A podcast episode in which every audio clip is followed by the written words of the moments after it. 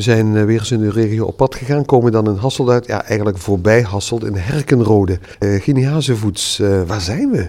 Om het dan nog iets preciezer te zeggen, zijn we in Kuringen bij Hasselt. Dus we zijn op de abdijsite Herkenrode, een voormalige Cistercienserinnenabdij, uh, gesticht in de 12e eeuw uh, en momenteel uitgebouwd uh, tot ja, een cultuurtoeristisch centrum. Ja, Herkenrode is vaker heel positief van het nieuws geweest. Dat is heel goed ook voor jullie. Er is heel veel te beleven op Herkenrode. Hè? Vertel eens wat mensen hier kunnen doen op een dag. je kan hier inderdaad gerust een dag doorbrengen. We hebben een aantal vaste bezoekersonderdelen, waaronder ons belevingscentrum, dat is de geschiedenis van deze plek op een heel interactieve wijze uh, vertelt.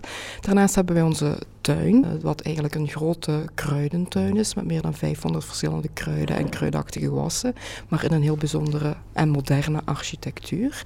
Er is uh, een belevingskunstwerk, exact op de plek waar vroeger de kerk gestaan heeft, dus daar zit ook een hele filosofie achter waarom precies dat kunstwerk er staat.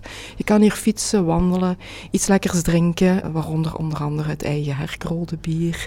Er is een bijenhal, kinderen kunnen spelen, we hebben zoektochten, van alles en nog wat. En zelfs streekproducten, maar daar staan we nu bij. In andere uitzendingen komen we meer te weten van Herkenrode via jou. Dus mensen die geïnteresseerd zijn, die kunnen alles komen kijken op de website voordat ze komen. Welke is jullie website? Onze website is www.abdijsite Herkenrode, herkenrode enkel met een k.be.